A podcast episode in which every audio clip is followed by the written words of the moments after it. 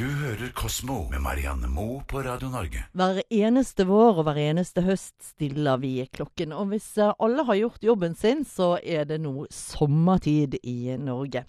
Bjørnar Kjensli fra forskningen og dette med det å stille klokken, det blir ofte mye forvirring av det. Skal den frem, skal den tilbake? Er det natt til i dag, er det natt til i morgen? Hvorfor driver vi egentlig med denne tidsjusteringen? Nei, det er et godt spørsmål. Vi gjør det egentlig fordi vi vil. Altså, Dette er ikke noe vi må. Eh, det er mange land som ikke gjør det, og det er noen land som gjør det innimellom, men så slutter de. og Det har vi jo selv gjort i Norge. Men, men først og fremst er det for å, for å utnytte dagslyset bedre, og innimellom sånn når det er krig eller uh, spesielle situasjoner, så gjør vi det for å spare strøm, rett og slett. Dette her med sommer- og vintertid er fremdeles forvirrende for mange, som vi nevnte helt innledningsvis. Skal du skru klokken frem eller tilbake? Fins det noen enkel huskeregel som gjør at uh, vi slipper å bekymre oss for det fremover, i hvert fall? Ja, ikke, Jeg syns ikke det finnes noen gode på norsk, men det er den engelske som er spring forward, fall back. Den er vel den enkleste å forholde seg til. Hva var det som kom på at uh, sommertid ja, det er en god idé? Det er en ganske gammel idé. Eh, det var eh, Benjamin Franklin som faktisk kom på ideen på, på 1700-tallet, på slutten av 1700-tallet. Men så slo ikke den ideen eh, veldig an. Nå var ikke klokker så veldig synkronisert heller på slutten av 1700-tallet, så det hadde vel ikke hatt så stor, stor innvirkning. Men rundt første verdenskrig så begynte man, begynte man å drive med det.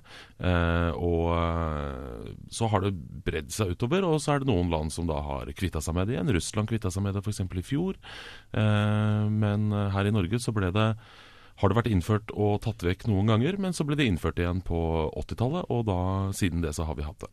Som du sier, altså, vi har ikke alltid hatt sommertid her hjemme. Hva er årsaken til at vi har valgt å gå for det igjen? Altså, hva er de positive sidene ved det å ha sommertid? De positive sidene, i hvert fall eh, før i tida, det var først og fremst eh, forbruk av strøm.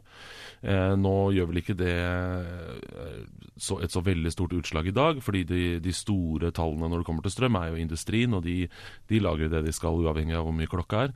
Men, men ja, så, så, i dag så er det vel egentlig helse, altså at man får mer dagslys og mer sollys. Men kan det ha også negative effekter? Vi mister jo en time med søvn. Kan vi komme ut av rytmen? Det kan vi absolutt, og det er det noen forskere som mener at uh, dette her faktisk er ganske alvorlig. For kroppen vår er uh, veldig avhengig av lys og, og mørke og, og, den syklusen som går hele tiden for å klare å, å ha god helse, rett og slett. Og for, den er ganske innstilt på disse vekslingene i lys og mørke. Og når vi da plutselig hopper en time, en time er jo ganske mange prosent av hvor mye vi sover om, uh, om natta, så kan det få innvirkninger på, på helsa vår. Men om det får noen langtidsvirkninger, det er vel ganske tvilsomt. Men man merker jo selv at man er ganske kort altså at man er ganske lite konsentrert og, og, og trøtt da, hvis man mister en times søvn. Du hører Kosmo med Marianne Moe på Radio Norge. Hjernesykdommer koster Norge 78 milliarder kroner hvert år. Og mer vil det trolig bli når eldrebølgen slår inn for fullt. Men arbeidet med å utvikle reservedeler til hjernen, den er for lengst i gang. Og Bjørnar Kjensli fra forskning.no, betyr dette at vi i fremtiden vil kunne reparere hjernen hvis det oppstår en feil? altså omtrent omtrent som man spjelker et bein som har blitt brukket? Ja, eh, litt. Men det er, eh, forskerne har funnet ut at det er mye mer komplisert enn det man har trodd. Man har trodd at man kan eh, putte inn hjerneceller inn i hjernen, og så la de gjøre arbeidet og lage nye koblinger i, i deler av hjernen som er skadd, men det viser seg at det er mer komplisert enn som så. For det er vel ganske logisk at det er vanskeligere å reparere noen ting oppi, oppi hodet, holdt jeg på å si, enn ellers på kroppen, for der er jo vi veldig sårbare òg. Ja, og, men man har faktisk trodd at, eh, at, det ikke skulle være så vanskelig i hjernen, fordi man, man har trodd at hjernen ikke har uh, samme type immunsystem som resten av kroppen, så man har trodd at det skulle gå an å putte inn reservedeler, rett og slett. Men, men nå har forskere funnet ut at de, man har faktisk immunceller også i hjernen, og det betyr jo at hvis man putter ting inn i hjernen, så kan det hende hjernen støter det fra seg, og da kan man jo få ganske drøye bivirkninger. Så hva er det forskerne nå har klart å, å jobbe seg frem til? Nei, Det er noen forskere som har funnet ut at uh, de genene som brukes i immunforsvaret i kroppen, uh, også fungerer som brytere som regulerer utvikling og tilpasning av sammenkobling i hjernen. Så da har man altså skjønt at man ved å da fjerne dette genet, så kan man øke det som heter plastisitet midten i hjernen, som betyr at da kan hjernen da utvikle seg mye raskere eh, og utvikle seg på nytt. Så hvis det er et område i hjernen som er skadd og ikke funker, så kan man eh, da føre inn celler med, som mangler dette genet, eh, og la de eh, reprodusere seg inn i hjernen, eh, altså kopiere seg, og så eh, skal i teorien da, den delen av hjernen begynne å funke igjen, og man kan rett og slett lære raskere. da. Så dette genet, det kan man rett og slett slå av, og så har man på en måte fjernet en slags bremsekloss på utvikling og læring? Altså Det er det det ser ut som i forsøk, da, men, men ikke, altså det er begrensa hvor mye man kan forske på dette her på mennesker, og, og skru av gen og, og, holde på på hjernen til folk. Men, men man har prøvd dette her på, på, mus og andre dyr, og da eh, tror man at man i fremtiden kan gjøre det. Så f.eks. da folk med demens eller eh, cerebral parese eller, eh, eller sånne lidelser, at man kan, kan, slå av dette genet og da få hjernen til å begynne å, å utvikle seg igjen. Du hører Kosmo med Marianne Moe på Radio Norge. Her i naturvitenskapsmagasinet Kosmo skal vi tilbake igjen til hjernens mysterier. For som vi har hørt, hjernesykdommer det koster oss 78 milliarder kroner hvert år, og mer det kommer det til å bli etter hvert som det stadig blir flere eldre i landet. Forskerne har eh, begynt å skape reservedeler til hjernen for å gjøre folk friske igjen. Og Bjørnar Kjensli fra forskningen, og hvis vi skal bare ta et tenkt fremtidsscenario, at det kommer inn en pasient på sykehus med en akutt hjerneskade, la oss si om en 10-15 år, hva vil legene kunne gjøre for denne pasienten da som eh, de ikke kan i dag? Nei, altså det forskerne tror da er at eh, fordi det er så, såpass farlig da å putte inn celler fra et annet menneske eh, inn i en hjerne fordi da kan hjernen støte det fra seg. Så tror forskere at man kan eh, rett og slett lage celler fra bunnen av med den genetiske informasjonen eh, til pasienten, og, og, rett og slett lage eh, individualiserte hjerneceller da, og putte det inn i hjernen. Og rett og slett bygge på hjernen. Tidligere så vet vi at det har blitt gjort forsøk på Parkinson-pasienter f.eks. som har fått satt inn nye celler i hjernen. Vet vi noe om hvordan det har gått med de i etterkant? Altså Nervecelletransplantasjon har man uh, prøvd, uh, men uh, det var mye mer komplisert enn det man trodde. For det er ikke bare nervecellene man må gjøre noe med, man må også gjøre noe med da, omgivelsene rundt nervecellene. Så det er ikke bare nervecellene som er skadet ofte når man har en hjerneskade eller, eller en lidelse. Så så det var ikke så lett som man trodde, men nå har man jo holdt på med dette her eh, plutselig i 15 år eller noe sånt, så man har kommet ganske mye lenger. Så, så om noen tiår tror forskerne at, at, dette her kan bli eh, aktuelt igjen. I dag så eh, hører jo vi ofte eksempler på at elektroniske proteser f.eks. samarbeider med nervesystemet, sånn som sneglehusimplantat i øret eller mekaniske hender. Vil man i fremtiden kunne fylle hjernen med funksjonell elektronikk? Ja, men det ligger veldig langt uh, i fremtiden. Uh, det, det, kan nok hende, men, uh, men, der er vi ikke ennå i det hele tatt. Foreløpig vil kroppen støte fra seg de aller fleste sånne ting. men når vi kommer dit at vi kan, at vi kan klare å, å, å lage celler fra, fra bunnen av med folks genetiske informasjon inni, så kan nok det gå an. Men vi er ikke kommet dit hen at vi kan skifte ut hele hjernen. At jeg kan få Einstein sin hjerne, f.eks. Nei, dessverre. Det, så langt har man ikke kommet. vil vi komme dit, tror du? At vi kan skifte større deler av hjernen? Det kan nok hende det. Hvorfor ikke? Eh, det skjer stadig fremskritt, men eh, det er om mange tiår, tenker jeg. Og en del etiske spørsmål også. En del, ja. Du hører Kosmo med Marianne Moe på Radio Norge. Det blir stadig vanskeligere å finne gull. For hvert gram gull som utvinnes, så må vi leite oss gjennom fire ganger så mye stein i dag som det vi måtte i 1979.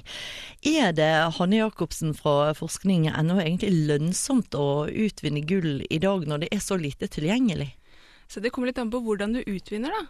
Um, gull er for tiden så utrolig mye verdt, nettopp fordi at det er så lite av det å finne at uh, de driver og vipper helt da, Uh, på den uh, er det lønnsomt, er det ikke lønnsomt. Sånn at akkurat nå så er det vel lønnsomt enn, sier de kanskje i ti år til, da.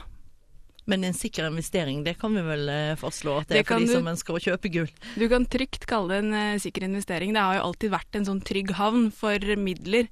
Altså når aksjer svinger, så, så kan du jo plutselig miste veldig mye penger, men hvis du har gull, sittende i banken. Det vokser jo ikke noe på gull, det ligger bare der og er litt sånn død kapital. Men du, kan, du mister jo ikke penger så lenge det ikke blir mer av gull, og det blir det jo ikke. Hva er det nettopp som gjør gull så attraktivt? Det har veldig mange egenskaper da, som er eh, ettertrakta. Det er veldig pent, det har en fin farge. Det blir ikke stygt med alderen. Og så eh, viser det seg at det kan formes veldig lett, sånn at vi kan lage fine smykker av det, eller vaser osv. Og så I tillegg så leder det elektrisitet, som gjør at vi bruker det i veldig mange andre sammenhenger også, f.eks. i elektronikk. da. Ja, 78% av alt gullet i verden brukes til å lage smykker. Går resten med til elektronikk, som du sier? Ja, stort sett. Hvor Det havner er- det da? Det er i, jeg holdt på å si i lomma di, det er i eh, mobiltelefoner, i eh, datamaskiner, i medisinsk utstyr, f.eks. respiratorer, og også i romfartsindustrien, altså i romsonder og satellitter osv. Men Det høres jo da ut som at gull er ganske viktig i hverdagen, hvis det er både i mobil og i PC-en. Og når det er så lite gull, kan vi da komme til det punkt hvor f.eks. Apple finner ut at dette er jo altfor dyrt? Vi Vi- kan ikke bruke gull lenger. Vi kan det, eh, og da har de jo på en måte to løsninger. Enten så prøver man nå å gjenvinne gull. Eh, veldig mye gull eh, ligger bare i sånne skraphauger med gammel, gamle mobiltelefoner. Du veit kanskje selv hvor mange du har liggende i, i skuffen. Eh, eller man kan prøve å finne eh, erstatningsmaterialer. Eh, for en del ting så vil det være helt greit å f.eks. bruke sølv eller platina istedenfor gull. Men gullet vil nok fortsatt være veldig, veldig veldig viktig. eh, I hvert fall i, i flere tiår fremover. Men du må jo ha en egenskap, gullet, som gjør at man foretrekker det framfor sølv, da. Ja, det er, det er den stabiliteten. Det er, eh, sølv kan jo eh, på en måte få misfarging og gjøre at elektrisiteten ledes dårligere hvis det fester seg skitt og sånn på det. Mens eh, i, på gull så gjør det rett og slett ikke det, så det kommer til å være stabilt for alltid. Og det er derfor det bare f.eks. er gull som kan brukes i eh, romfartsindustrien. Men hvor mye kan man egentlig gjenvinne ved å ja, samle inn og lage returordninger for PC-er og mobiltelefoner og annen elektronikk? Det er ganske mye. Det er et selskap i Sverige som eh, gjenvinner nå årlig 10 000 eh, kilo med gull i, eh, fra hovedsakelig da fra elektronikkskrap. Så det vil si at hvis du tar fem kasserte datamaskiner og samler sammen alt gullet fra de fem maskinene, så finner du like mye gull som hvis du leter gjennom to tonn med stein på den tradisjonelle gullutvinningsmåten. Så her snakker vi virkelig miljøvern, for å si det sånn, for det må jo definitivt være en veldig, veldig bra returordning på mange felt. Absolutt. Så også elektronikken i Norge samles inn og sendes eh, til Sverige for å utvinnes. Så det er eh, definitivt en veldig viktig måte å, å bruke gullet på. Du hører Kosmo med Marianne Moe på Radio Norge. Vi blir eh, feitere av plantefett. For mye omega-6 i kosten kan nemlig gjøre at vi spiser mer, viser en eh, ny studie. Hanne Jacobsen fra forskning.no. I hvilke produkter finner vi omega-6 egentlig? Det er de typiske sånne matoljer og planteoljer som vi har eh, begynt å bruke mer og mer av. F.eks. da solsikkeolje og maisolje, eh, som har stadig kommet inn og tatt over for f.eks. olivenolje da, i norske kjøkken. For det er jo ikke til å stikke under en stol at eh, vi blir stadig fetere, sånn jevnt over. Og det til tross for at vi generelt spiser mindre fett. Betyr det rett og slett at typen fett vi spiser er mer avgjørende i forhold til fedmen enn det vi hittil har trodd? Det kan absolutt se sånn ut. Her er det altså mus som har fått eh, enten omega-6, eh, eller litt mindre omega-6, eller omega-6 og omega-3. Og det viser seg at eh, omega, dette med omega-6 det stimulerer stoff, altså produksjonen av stoffet endokannabinoider, som er rett og slett appetittvekkeren i systemet ditt. Så ikke bare spiser du mer når du får i deg omega-6, men du spiser også Eller du legger på deg mer per eh, måltid. Hvis du spiser akkurat det samme eh, mengden mat, så vil du legge på deg mer hvis du får inn mye eh, omega-6. Men hva er egentlig forskjell på omega-6 og f.eks. omega-3, som eh, sies å skulle være veldig godt for oss? Så omega-6 kommer jo da mest fra kjøtt og kjøttprodukter, og også fra denne planteoljen som vi snakket om, mens omega-3 kommer fra, fra fisk, eh, som kjent tran og hele den der. Men så er det viktig å huske på at vi trenger omega-6 også. Det er jo et, et stoff som, eh, som kroppen trenger for å bygge på, men problemet blir når balansen blir forskjøvet. Så du kan ikke ha for mye omega-6. og vi spiser mye mer kjøtt eh, i forhold til fisk. Eh, fiskeforbruket går ikke opp, mens kjøttforbruket går voldsomt opp. Eh, sånn at du får for mye av omega-6, og de lagres på det samme stedet i kroppen. Så da eh, fortrenger omega-6-en omega-3, og da eh, får du en ubalanse som ser ut til å gjøre oss feite. Mm. Her kan man altså eksperimentere litt hjemme selv ved å se om det gir noe utslag. Det å spise f.eks. mer fisk, mindre kjøtt ufarlig forskning som eh, kanskje kan gjøre det litt lettere? Helt sikkert veldig ufarlig. Ikke noe galt i å spise mer fisk, men så skal det jo også sies at dette her er museforskning, og de skal forsøke å se på eh, om dette er, eh, gjelder akkurat likt for mennesker. Det vet man jo aldri helt, men jeg tviler på at vi vil få noen store senskader av at folk begynner å spise mer fisk. Kosmo, natur og vitenskap på Radio Norge. Søndag kveld fra klokken åtte. Radio Norge.